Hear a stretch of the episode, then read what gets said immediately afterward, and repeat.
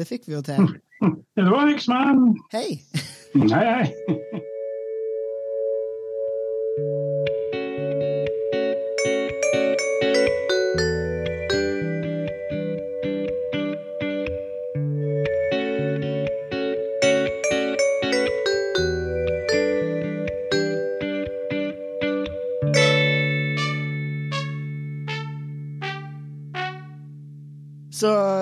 Hyggelig at du hadde lyst til å komme på podkasten min. Eh, jeg syns jo du er Altså, jeg kjenner deg jo bare fra Twitter og internett, eh, og jeg syns du er altså for det første et fabulous stilikon, og kanskje verdens beste togreiser. Og du skriver helt fantastiske liksom, reisebrev fra togreisene dine.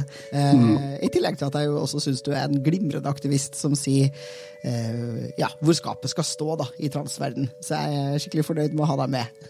Eh, så til de av oss som ikke følger deg på Twitter, kan ikke du fortelle kort hvem du er? Navn, pronomen og hva enn du har lyst til å dele? Nei, altså jeg er Ina Ine Arsten. Jeg har blitt 79 eh, år. Jeg har eh, transisjonert, som det heter, til, til transkjønt kvinne for eh, veldig sent i livet. Og eh, startet med dette for ca. drøyt 20 år siden. Og eh, har det siste året pga. Eh, la oss si bevisstgjøring i forbindelse med alt dette som foregår i Norge når det gjelder krangel og bråk om det å være transkjønnet. Jeg har vært relativt aktiv på Twitter. Jeg har også øh, prøvd å komme i gang med debattinnlegg i Morgenbladet, hvor jeg har fått inn øh, et par stykker. Og I tillegg til øh, å være transaktivist, så er jeg da en dedikert senior interrail-reisende med tog. Jeg har i løpet av foregående året vært i 17-18 land med tog i Europa. Og eh, reiser bare med tog, så i den grad dette er mulig. Jeg syns det er så nydelig, for det er liksom jeg vet ikke om, Du har jo sikkert sett den, den svenske forferdelige liksom-dokumentaren Transtoget. Ja. ja. Jeg føler at uh, det her er et mye bedre form for transtog. Det er for liksom, transfolk som reiser på interrail. Mm. Jeg er veldig fan. Um, mm. ja. Jeg var i et, eh, et NRK-program uh, i vår en gang. og Det var en slags vits om at vi skulle snakke om den transsibiriske jernbanen, men det ble det jo ikke noe av. Vi snakket om tog rent generelt. Mm. Har du tatt den transsibirske jernbanen? Overhodet ikke. Er, for øyeblikket så virker det jo som et relativt umulig prosjekt. Ja, fordi det kan vi jo touche litt inn på. Hvordan er det å være åpen trans og reise med tog rundt omkring i verden? Hvor reiser du, og hvor reiser du ikke? Nei, altså jeg, reiser, eh, altså jeg har ingen motforestillinger mot å reise i hele Europa. Altså Bortsett fra altså Nå jeg tror jeg vil unngå Russland eh, nesten uansett. Men eh, jeg har jo tidligere, f.eks. før, til og med før jeg fikk dette med juridisk kjønn på plass, så har jeg reist relativt mye f.eks. i Tyrkia uten et eneste problem. Jeg følte på mange måter at det var helt komisk at jeg bare sjekket inn på en, i dette tilfellet på flyplasser, og datamaskinen hylte og skrek at her kom Ine Harstein som var mann, men ingen trakk for et led på et øyelokk. Det var bare greit inn og skjenket av stemplene. Men det er en del land hvor jeg vil si det er en stor fordel å være, ha en F i passet. Jeg ville vært skeptisk til kanskje både Polen og Ungarn i, i dag. Men eh, slik som situasjonen er nå, så reiser jeg i de landene uten, uten motforestillinger. Når, eh, når, fikk du deg nytt pass, da? Det fikk jeg. Eh, jeg fikk ny fødselsattest 13 dager etter at loven var gått gjennom i Stortinget. Og så tok det da noen uker å få pass og sånn, men det formelle var Jeg må ha vært en av de aller første i Norge, tror jeg. Jeg, fikk, jeg ble formelt kvinne 13 dager etter at loven var passert i Stortinget.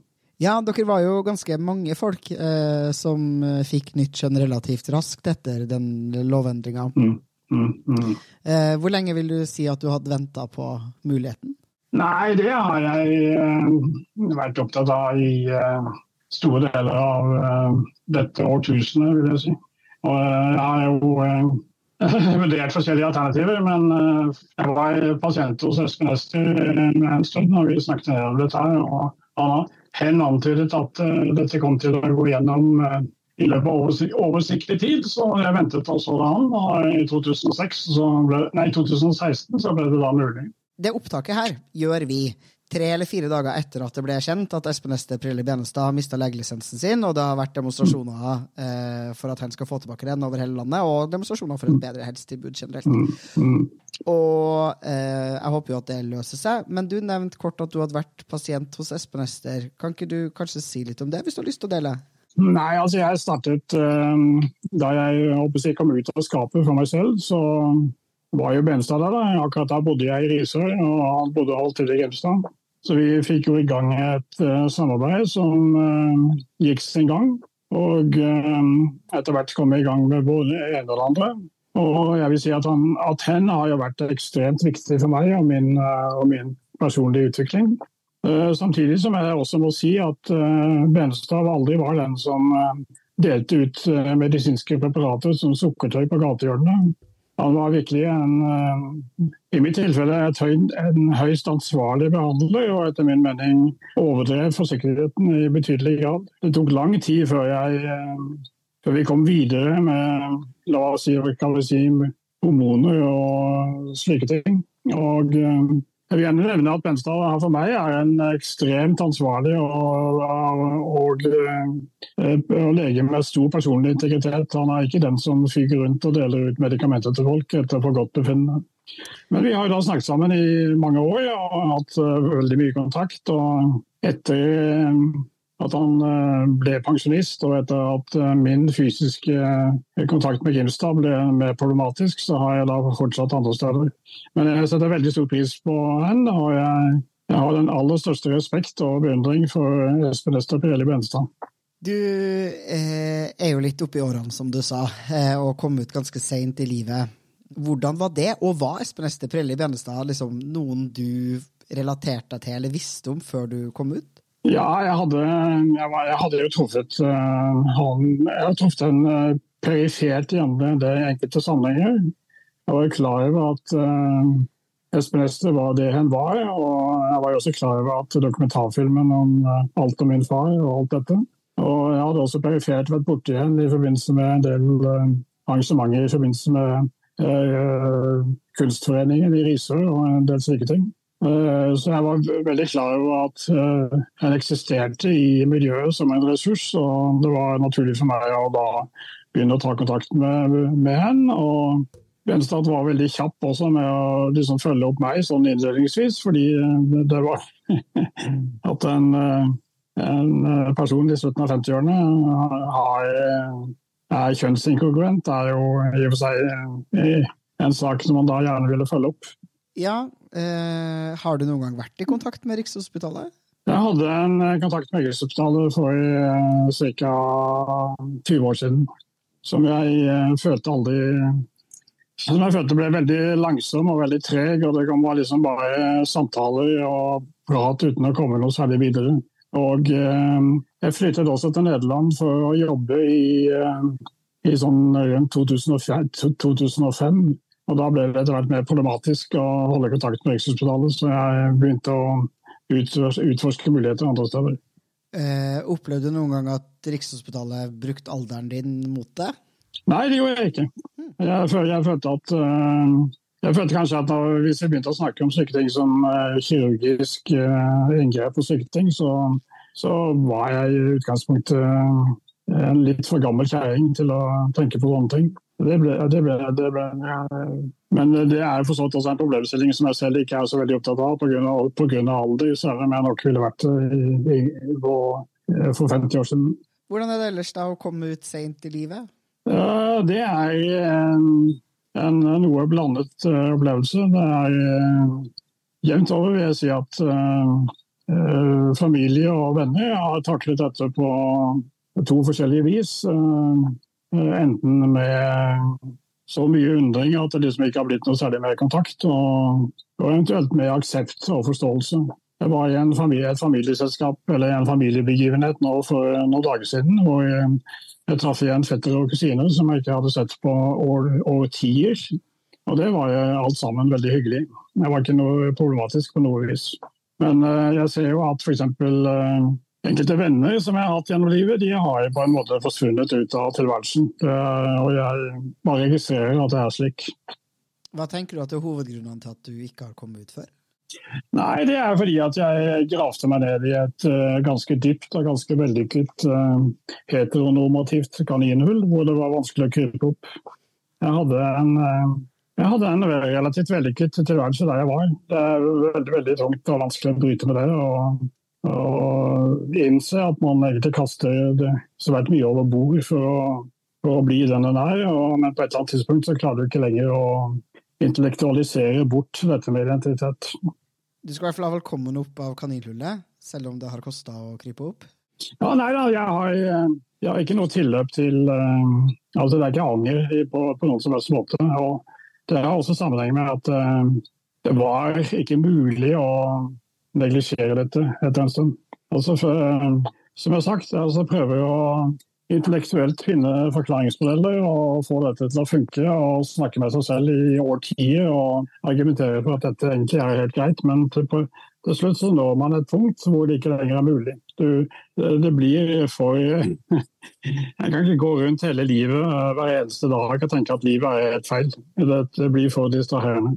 Nei, Jeg tenker ofte det når eh, jeg snakker med litt sånn yngre transfolk da, som lurer på om de skal komme ut, og som er veldig sånn eh, tvilende på det. Så mm. pleier jeg jo selvfølgelig å gi noen gode råd for hvordan ja, det burde du kanskje gjøre, osv. Men jeg er også veldig tydelig på at en eller annen dag så kommer det her behovet til å bli så stort at det ikke lenger er noe vanskelig for deg å liksom vurdere om du skal gjøre det eller ikke gjøre det. Det kommer til å liksom presse mm. frem, da, og det gjør det jo for de fleste. Noen kanskje tidligere enn andre da, men ja.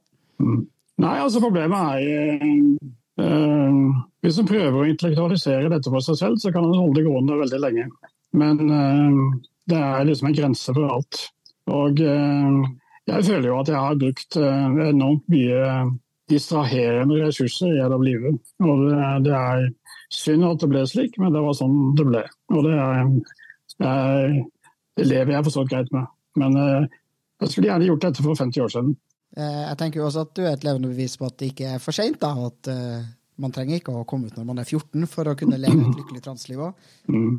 Nei da, nei da, det har vært uh, jeg, jeg, er ikke på noen måte negativ til at jeg om, omsider kom, kom, i gang med dette her. Det, det, var det er jeg veldig fornøyd med. Det har ikke vært noe negativt i det hele tatt.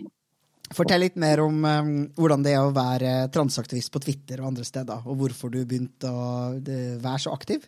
Nei, altså Det som trigget meg, var en uh, tegning som Bergens Tidende hadde om uh, garderobeforhold og problematikken med å slippe transkvinner inn i, i, i, i kjønnssegregerte garderober. Da slo de da til med en tegning som etter min mening var si, rett ut av Sions vises protokoller, hvis man skal drive hvis man skal skrive om jødiske kulturelle forhold i Norge, så skal man da illustrere det med tegninger inspirert av Sions visesprotokoller. Det var den type nedadhets som jeg syns var noe så helt til de grader ekstremt ekstrem provoserende. Altså jeg, etter å ha sittet på Twitter i ti år og stort sett hatt det som en sånn lyttestasjon for å finne ut hva som foregikk i verden, så gikk jeg da plutselig over fra å være eh, tilbakelent betrakter til å bli en illsint uh, og, eh, og mine, mine, følgere de ble da sånn fordoblet hver annen uke omtrent. En stund. Så, nei, så det var interessant. Det var, og jeg merket også at rent retorisk så var det jo jeg syns det er ganske morsomt å, å gjøre og delta. Fordi det er, det er en del poenger som jeg syns er et poeng som det er greit å komme med. Du er veldig god på å formulere deg godt på få tegn, se. Det er også en av de morsomme tingene med Twitter. Det er jo en slags sånn kompakt uh, Nærmest en slags haiku-poesi uh, uh, over, over tvitringen. Det som får for sagt noe på et begrenset antall tegn, det er, det er en på mange måter stimulerende utfordring. og enkelte ganger så gir jeg da fullstendig bare blaffen og skriver en tråd med 20, med 20 poster. Men liksom å prøve å få sagt noe på den tegnmengden som er, er er på mange måter en ganske interessant og morsom utfordring. Hvis du skulle sagt hva det viktigste du tenker at transbevegelsen står overfor, eller hva den viktigste transsaken er, hva ville du sagt da? Nei, Det viktigste i Norge det er jo å få en, eh, en fullstendig overhaling av eh, det transmedisinske tilbudet. Som i dag er bare stivnet fast i en eh, sentralistisk eh, maktorganisasjon, etter min mening. Og det lider også under av å være fullstendig umyndiggjørende overfor eh, pasientene. Det er overhodet ikke rom for pasientautonomi og selvbestemmelse. og det at voksne mennesker faktisk vet en god del om sitt eget liv, og at man bør kunne ta hensyn til det. Altså Det er vi som er eksperter på oss selv, det er ikke det, er ikke det medisinske apparatet. Selv om jeg har full forståelse for at en uh, viss innledende vurdering må inn, i, må, må, må inn i bildet. Men uh, det er i dag. altså Man skal sitte der nå i flere år og gjennomgå en kanossagang av vurdering og psykiatrisk evaluering og alt mulig for å komme i gang med selv den aller minste form for eh, hormonell behandling, syns jeg er helt absurd. Uh, I tillegg til at jeg tror de uh, er ekstremt opptatt av hvorvidt vi kommer til å passere etter kjønnsbekreftende behandling? Altså, jeg, det, det, ble debattert i forbindelse med en artikkel eh, Sunnmørsposten hadde om dette her for noen måneder siden hvor det ble påpekt at eh, denne eh, helsestasjonen for kjønn og seksualitet i Oslo hadde et langt mer avslappet forhold på dette. her. Han mente at, eh, det, at det, det, er ikke noe poeng for transmedisinen å konvertere menn til ekstremt vellykkede kvinner. Det finnes, alle, det finnes, mange måter å være trans på. Man behøver ikke være nødvendigvis ende opp som en glamourmodell. Inntrykket er jo at det norske behandlingstilbudet er litt gira mot det. Mens f.eks. HKS er, mener at uh, man må se mer avslappet på det. Det er mange måter å være trans på. Ja, og jeg tenker at det man må ta utgangspunkt i, er jo eh, pasienten sine ønsker. Og så må man være mm. sikker på, eller ha en viss realitetsorientering på ok, hva er vi tenker at faktisk er mulig, da, sånn at du ikke blir mm. skuffa fordi du tenker at behandlinga skal gjøre at du ser ut som en globemoodell, og så har du ikke mm. de fysiske forutsetningene som skal til da, for ja. at det skjer. Nei, nei, nei jeg, har, jeg syns absolutt det er et poeng med all verdens realitetsorientering, men uh, samtidig så mener jeg jo at uh, pasienten selv må få langt mer uh, ansvar for sin egen livssituasjon. Og Det vil jo også på mange måter kunne løse dette problemet med de såkalte angrerne, som i dag eh, anklager systemet for å ha tatt valg for dem. Dette er jo valg de må ta selv, etter min oppfatning. Men ja, det er jo konsekvensen av en fullstendig umyndiggjørende system, hvor de tror at de har en slags fasit på hvem det er som er trans, og hvem det er som ikke er trans, og hvem det er som har mm. utbytte av behandling og ikke. Mm. Og det finnes det ingen måte å vite på forhånd, eh, og mm. det er i hvert fall ikke de sistskjønna helsearbeiderne eh, som kan vite om det her kommer til å gå bra. Nei, ja, det, er, det, er, det, er, på mange måter mye av den samme diskusjonen som var i forbindelse med kvinners selvbestemt abort for 50-60 år siden. hvor man ble, ble umyndiggjort i forhold til å treffe dette valget. Og eh, Dermed så kunne jo også kvinner som på en måte følte seg eh, angret, de kunne jo anklage behandlingsapparatet for å treffe uheldige valg for dem. Mens poenget er at man må treffe disse valgene selv. En kan ikke la systemet sitte der med ansvaret for ens eget liv. Men det er det vi har i dag. Det er der, det er der vi, altså folk opplever at riksen er uh, umyndiggjørende overfor personer.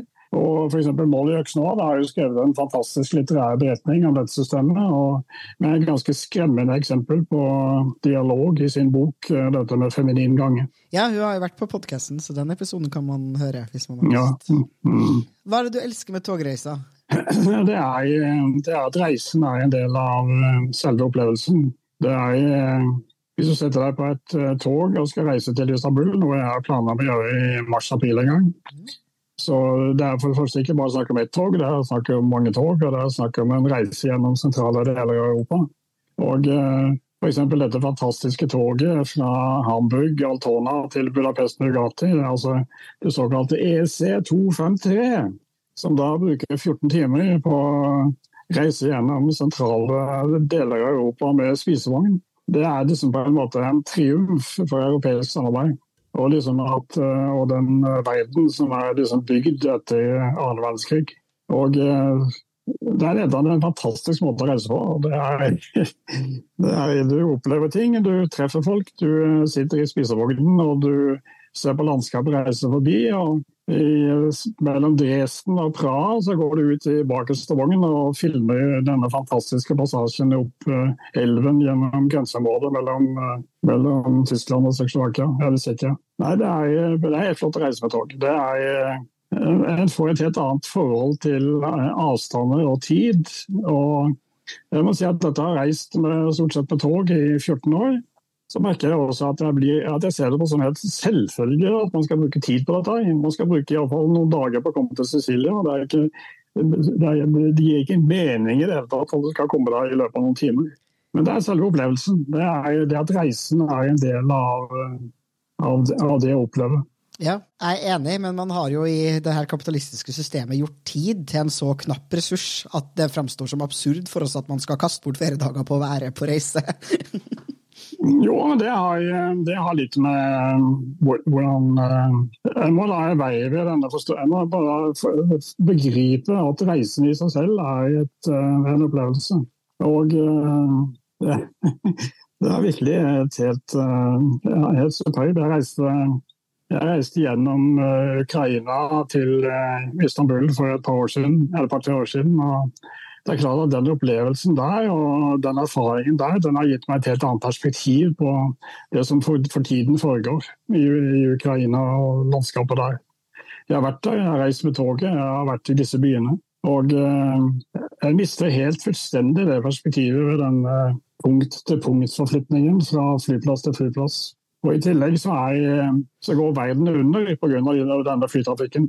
Jeg mener Det er også lov å være litt moralistisk i alt dette. Det er, en, det, er, altså det er, helt typisk at uh, i en situasjon hvor vi er på vei inn i en klimakatastrofe, så er uh, aviser, presse, media de er bare fra seg av begeistring når de liksom kan konstatere at nå er trafikken på Gardermoen tilbake til gamle høyder. Nå flyr vi igjen. Nå, er, nå drar vi til Syden, ikke sant. Det finnes ikke noe rasjonelt perspektiv for å opprettholde dette her på denne begeistrede måten som vi i dag gjør. Nei, vi driver med kollektiv, aktiv selvskading, og det syns vi er strålende flott. Ja, ja. Og det er ingen, det er ingen motforestillinger. Altså, det er, alle er glade og fornøyde. Det er taxfree på flyplasser, og man fyller opp flyene og man drar av gårde, og verden går under. Jeg ser, jeg ser, ikke, jeg ser ikke at løsningen på dette her er at folk legger seg til en slags personlig moralisme og reiser med tog av prinsipielle grunner. Jeg mener at Du løser ikke dette problemet at du forteller mennesker på individuell basis at de skal begynne å reise med tog. Altså Løsningen er, må være at, at, det såkalte samfunnet griper inn og regulerer dette. her. Men uh, samtidig så kan den enkelte være fornøyd med at uh, jeg, jeg, ikke driver og kjører verden i senk, og det er jeg for ganske fornøyd med. Jeg tenker at det er, det er, jeg er helt enig i at det kan ikke løses på individnivå. Det kan ikke være hver enkeltperson sitt ansvar å velge riktig i en verden som gjør dårlige valg så enkel og de riktige mm. valgene så vanskelig. Eh, mm. Men det er lov til å også være drevet av å har lyst til å føle at man gjør noe riktig, på en måte. Det er jo det er godt, det. Ja, ja. Nei, altså, det er absolutt det. Er absolutt det. Jeg har selv ikke eh, Det er nå tre år og tre måneder siden jeg satt i et fly. Og eh, jeg merker at jeg eh, har litt, en liten tilbøyelighet til å være religiøs fantast i dette her. Men eh, samtidig så skal jeg da til som, nevnt Istanbul, da, hvis ikke det blir jordskjelv all over the place i løpet av, i løpet av noen måneder. Og for å komme vestover så har jeg da faktisk tenkt å ta et fly fra Istanbul til Sicilia. Så jeg er ikke mer mer innbitt enn det, men eh, det er rett og slett fordi at infrastrukturen for å reise på bakken mellom Tyrkia og Italia er omtrent fraværende. Du, du, det tar evigheter. Det er elendige bussforbindelser og i det hele tatt. Ja, altså, eh, det er ikke uten grunn at jeg har invitert deg på denne podkasten. Eh, det er ikke bare for å få folk til å hoppe på transtoget og bli trans, det er for å få folk til å hoppe på toget og begynne å ta tog også. Det er mm. meninga at det skal være inspirerende, eh, tenker jeg. tog er måten å reise på. Det er Altså bare, altså jeg kommer stadig tilbake til dette EC253 mellom Altona og Budapest. Det er et fantastisk tog. Det er, eh, og det er ikke bare det at det er tog, men det er som jeg sa, det er en, eh, det er en hyllest til europeisk integrasjon. Og til at vi faktisk lever en, eh, på et kontinent som fungerer. Ja, kanskje jeg må ta det toget en gang, da? Ja, det må du absolutt. Det er, eh, nå i mars så har jeg tenkt å så har jeg tenkt å ta det nærmest av prinsipielle grunner fra endestasjon til endestasjon. Så da starter jeg fra Altona klokken halv syv om morgenen og ender opp i Budapest til nitiden om kvelden. Jeg var på Interrail for første gang i sommer. Jeg syns det var også mm. en fantastisk måte å reise på. Det var mm. veldig stas. Så uh, all den tid du er relativt gammel, da, hvis det er lov å si, eller eldre, hva sier man for å være høflig? Eldre er, eldre er et mildt uttrykk. Ja. Så det betyr nødvendigvis at du ble født for relativt lenge siden. Kan ikke du fortelle litt om hvordan verden så ut da du var barn?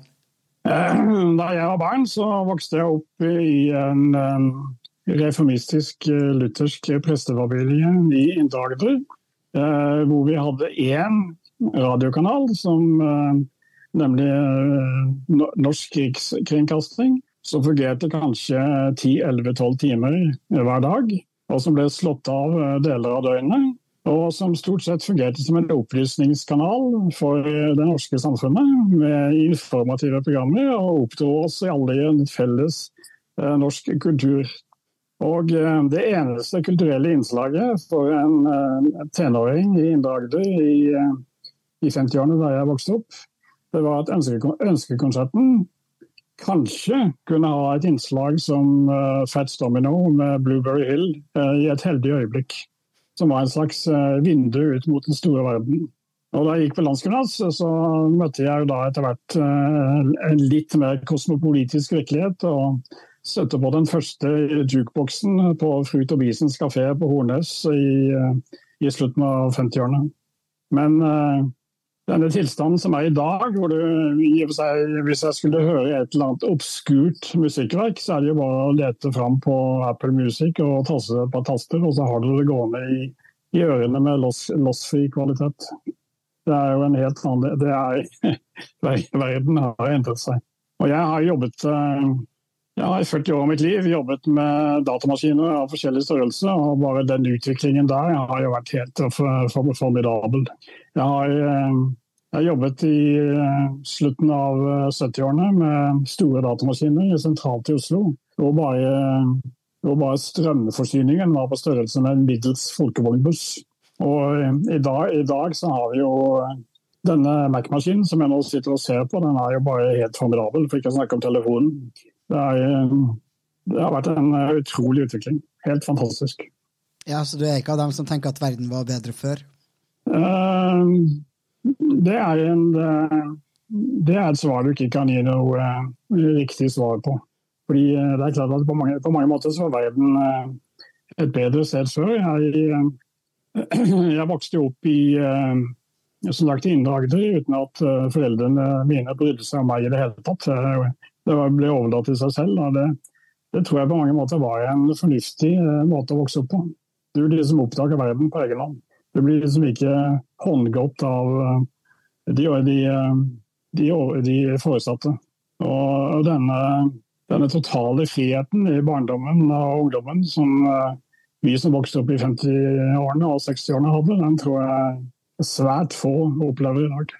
Det er bare, det med trafikkforhold i byer og slike ting. Det er, det er, en helt annen virkelighet. Jeg kan fortelle at i, i 1955 så fikk jeg og en venn Da bodde vi i, innenfor Kristiansand et sted. Da fikk jeg og en venn lov av våre foreldre til å sykle Sørlandske hovedvei til Eidam ved Arendal for å besøke familien. Sørlandske hovedvei. Var, det har vært en endring. Så en del ting har ikke blitt bedre. Men eh, det er svært mye annet som har blitt bedre. Å sitte og, og kunne lytte til Stanghelle på fredag en langfredag over nettradio på tog gjennom eh, Bulgaria er absolutt et pluss sammenlignet med tidligere. eh, når du tenker tilbake på livet, eh, når tenker du at du forsto at du var trans? Det forsto jeg da jeg var eh, syv år. Men uh, det fantes ikke noe ord for det, så det var uh, så det, et, et hotell selv trans var på en måte kanskje brukt i forbindelse med transvestitter. Det, det skjedde vel Kommer det være en betegnelse som kanskje var relativt vanlig på det tidspunkt. Men det fantes jo ikke noe terminologi for å beskrive transkjønnede. Og jeg vokste opp i det jeg husker fra 50-tallet når det gjelder eh, kjønn og mangfold, det var eh, fortvilte artikler i familietilskrifter familietidsskrifter fra en eller annen mor som fortalte om en sønn som hadde denne forferdelige lidelse. Og denne forferdelige lidelse var hele tiden homoseksualitet.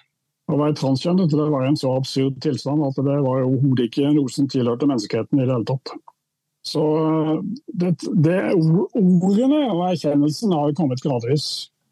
Og når f.eks. Riksen stusser over at det har blitt så mange av oss etter hvert, så er det bare uttrykk for at man overhodet ikke begriper hva denne erkjennelsen og denne aksept, og aksept fører til av av at faktisk folk eh, tør komme opp av kaninhullene eller ut av skapet. Og jeg hadde jo ingen muligheter, eh, meg bekjent, da jeg var da jeg vandret som student og lurte på hvordan jeg skulle løse dette problemet. Jeg har lest uh, Kjetil Snakstads uh, doktoravhandling, uh, og han har jo en omfattende historikk om utviklingen i Norge. Og jeg ser jo at Hvis han hadde hatt de helt riktige kanaler og vært den ene tusendels promillen av befolkningen som kjente bestemte personer, så hadde det vært mulig å gjøre noe. Men i praksis så eksisterte ikke den muligheten.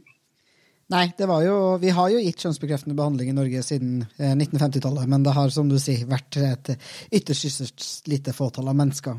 Um, ja. ja. og det har, ikke vært, eh, det har ikke vært noe kunnskap om det.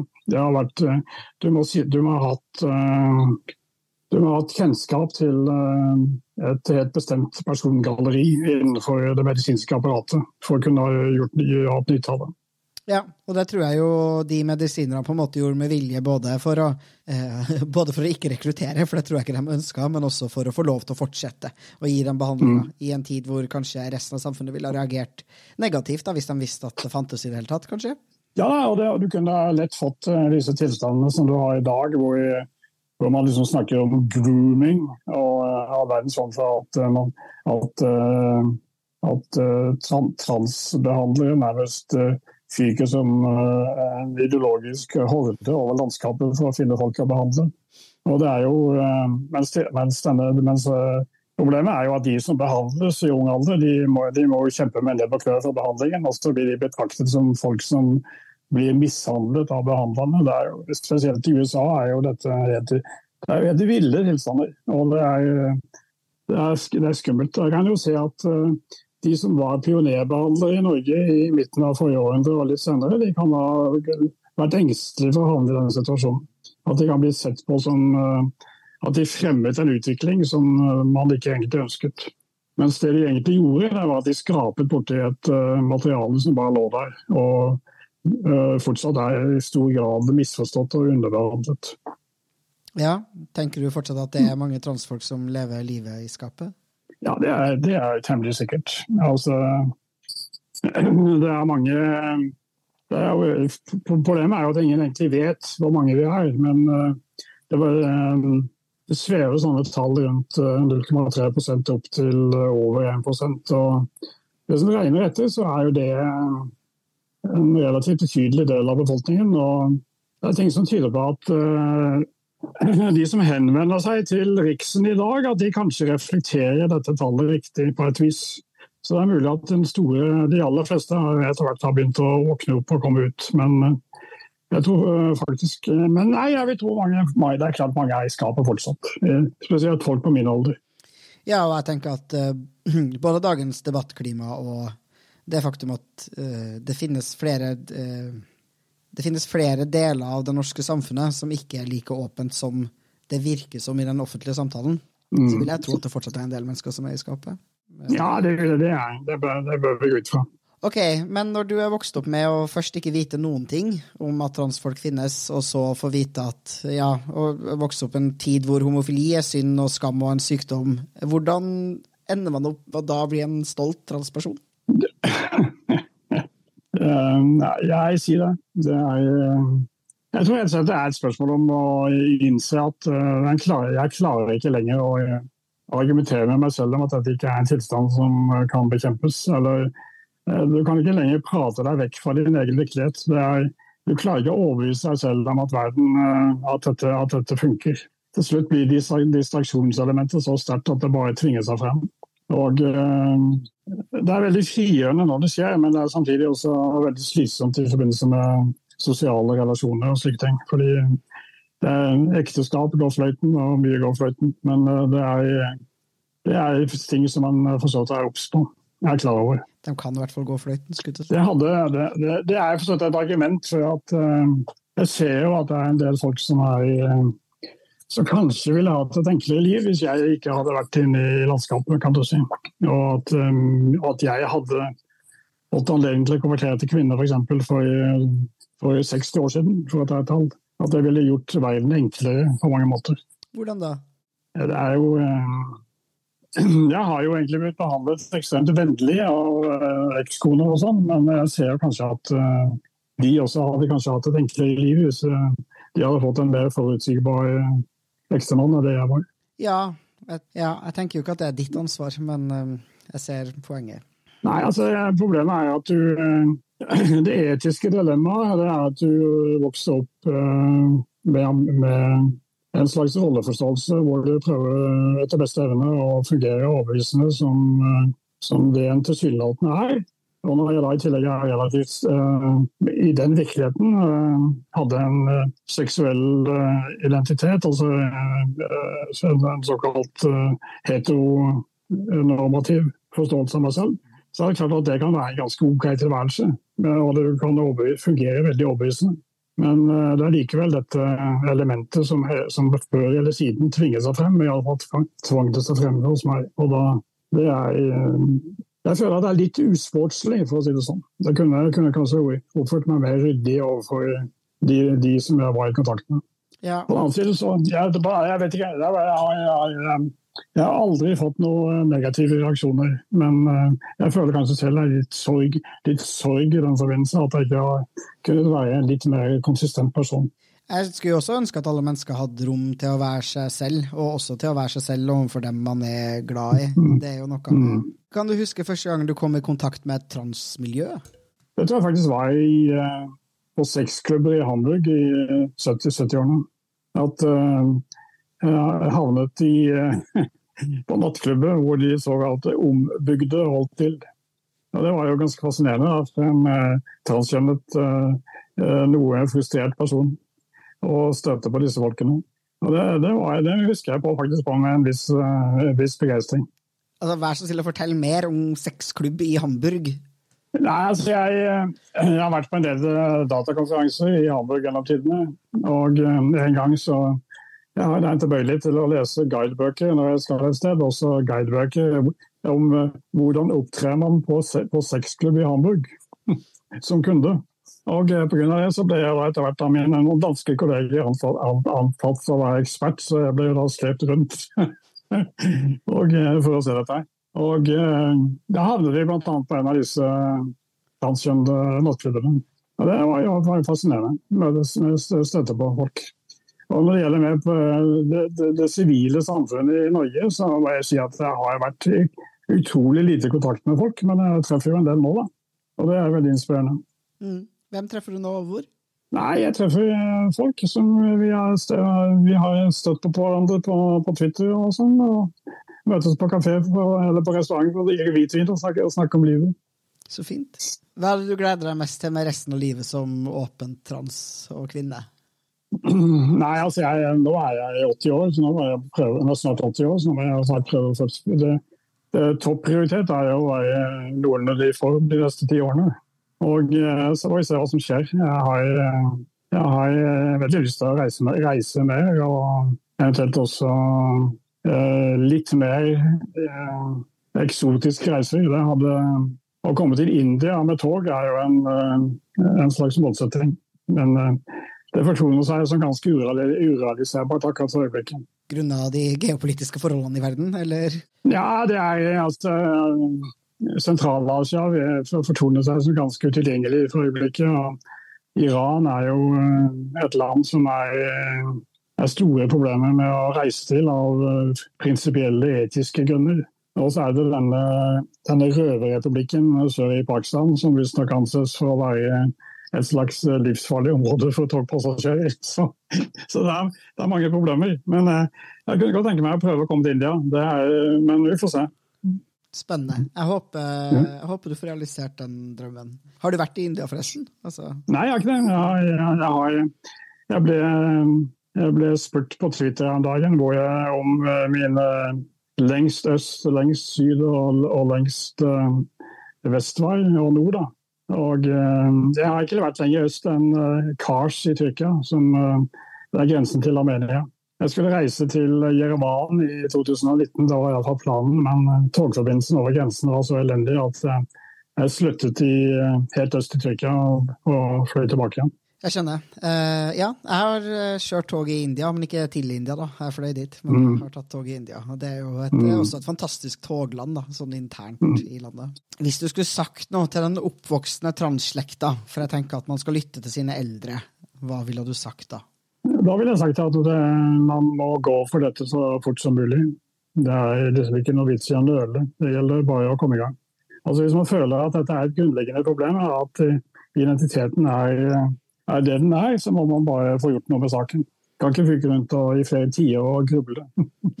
Nei, man slutter kanskje ikke å være trans hvis man først bare er trans. Nei, altså hvis man først uh, har kommet til den erkjennelsen, så uh, Ja, jeg prøvde jo hele tiden å argumentere med meg selv at uh, det var andre dimensjoner i tilværelsen som, som, sikkert var minst like meningsfylte, men det viste seg at det var ingen riktig og korrekt argumentasjon. Da kan jo vi lære det fra deg, så slipper andre å bruke mm. tilsvarende lang tid på å finne ut av det. Mm.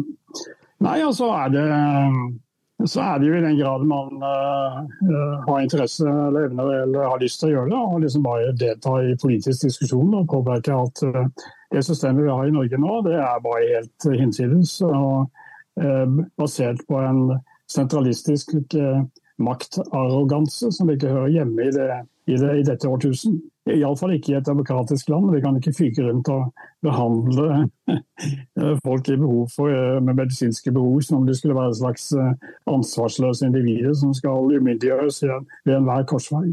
Og Det er det som skjer, etter min mening. Det finnes ikke et eneste menneske jeg har truffet som har noen som helst annet synspunkt på det som nå foregår, iallfall når det gjelder mann til kvinne transkjønnede. Nei, altså, Jeg er hjertens enig. Jeg har lagd en hel podkast fordi jeg syns helsetilbudet til transfolk er for dårlig i det landet her. Mm. så, så, i den grad man har ressurser og evne og vilje til det, stå på barrikadene og kjemp og skriv debattinnlegg og hold, folk, hold denne saken varm. Og det finnes også en, et hav av idiotargumentasjon der ute. F.eks. dette dette med at uh, det skal være noe negativt på en måte å ha subjektiv identitetsforståelse. Og at uh, Til og med Morgenbladet snakker om at uh, det er et stort tankekors at staten skal liksom at man skal ha en lovgivning som er basert på subjektiv identitetsforståelse. Men det har vi jo hatt i årtier ja. i forbindelse med, samme, med samkjønnet ekteskapslovgivning og slike ting. Det er, dette prinsippet er for lengst etablert i norsk lovgivning. Ja, Det er veldig rart å tenke at individer sine følelser og tanker ikke er viktige for hvordan vi skal organisere samfunnet, som om individer ikke var viktig. Ja. Nei, men det er, det, er, det, det er, akseptert. Det er bare at man har laget et lite hjørne som man kaller, kaller kjønnsinkongruente. Hvor det liksom på en måte er en sånn spesialdrikkefelt, hvor det er fy-fy å ha subjektiv identitetsforståelse. Mens resten av lovgivningen aksepterer dette med subjektiv identitetsforståelse fullt ut. Eh, samkjønnet ekteskapslovgivning er basert på det. Det er det, det er det, som er grunnlaget. Det finnes ikke noen uh, biologisk forklaring på å være lesbisk eller homoseksuell. Iallfall ikke i annen grad enn der det finnes en biologisk forklaring på å være transkjønnet. Mm. Uh, så for dem som ennå ikke har fått gleden av å følge deg på Twitter, hva er det du heter på Twitter? Da heter jeg Inge Ine Harstein. INE Harstein, og handelen er I Harstein i India. Hotell, Alfa, Romeo, Sierra, Tango, Ekko og November. Eh, da vil jeg mm. oppfordre alle til å følge deg på internett, fordi du mm, er mm. Eh, altså en fantastisk togreiser, et ekstremt stilikon og kjempeartig og politisk festlig. Så jeg setter helt enormt pris på å følge deg på Twitter. Jeg koser meg. Ja, jeg takker for det. Jeg god. Jeg beklager at jeg hadde så store tekniske problemer da jeg kom i gang med Zoom, men vi fikk det da tid om sider. Ja, det gikk kjempefint. Det var skikkelig hyggelig at du ville komme på podkasten, så tusen takk for det. Jeg heter Luka Dalen Espseth. Takk til Martin for den nydelige Trans-Norge-musikken, og til teamet vårt med klippere, som består av El, Mina, Noah og Andreas. Og takk til Thomas for grafisk profil til podkasten. Følg Trans-Norge der du lytter til podkaster for å få med deg alle episodene av podden, og følg oss på Instagram-kontoen vår trans.norge. Eh, følg PKI på Facebook og Instagram, de heter pki.norge, og meld deg inn i PKI på nettsidene våre www.kjønnsinkongruens.no.